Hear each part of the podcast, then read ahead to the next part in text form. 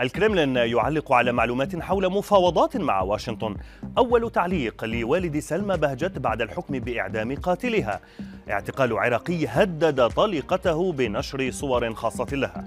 أبرز أخبار الساعات الأربع والعشرين الماضية في دقيقتين على العربية بودكاست. بعد تداول معلومات في صحف غربية تفيد بوجود مفاوضات غير مباشرة بين موسكو وواشنطن وصف الناطق باسم الكرملين ديمتري بيسكوف هذه المعلومات بالكاذبة. بيسكوف قال في تصريحات صحفية ليس لدينا ما نقوله بشأن هذا المنشور. هذه الصحف تنشر الكثير من الكذب. على حد تعبيره فيما كانت صحيفة وول ستريت جورنال قد تحدثت عن وجود مفاوضات بين مستشار الرئيس الأمريكي للأمن القومي جيك سوليفان ومساعد الرئيس الروسي يوري أوشاكوف بشأن خفض التصعيد في أوكرانيا.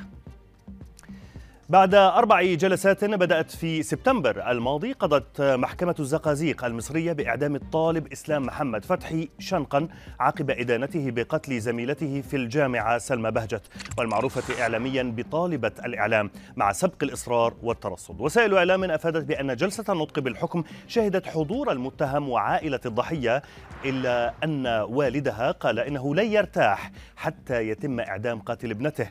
فيما كان الجاني قد أنهى حياة المجني عليه عليها بعدما سدد لها 33 طعنة نافذة في أنحاء متفرقة بالجسد شهر أغسطس الماضي.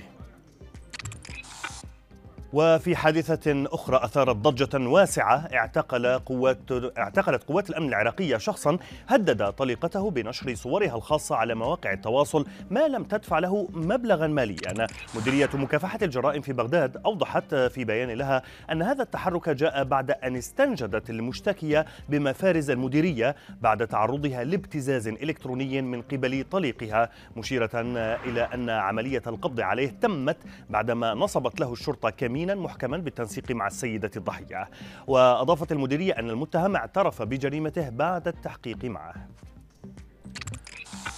ما زال الحديث عن شركة تويتر وما يدور داخلها يتصدر المشهد في السوشيال ميديا ووسائل الإعلام خصوصا بعد تسريح نحو نصف موظفيها.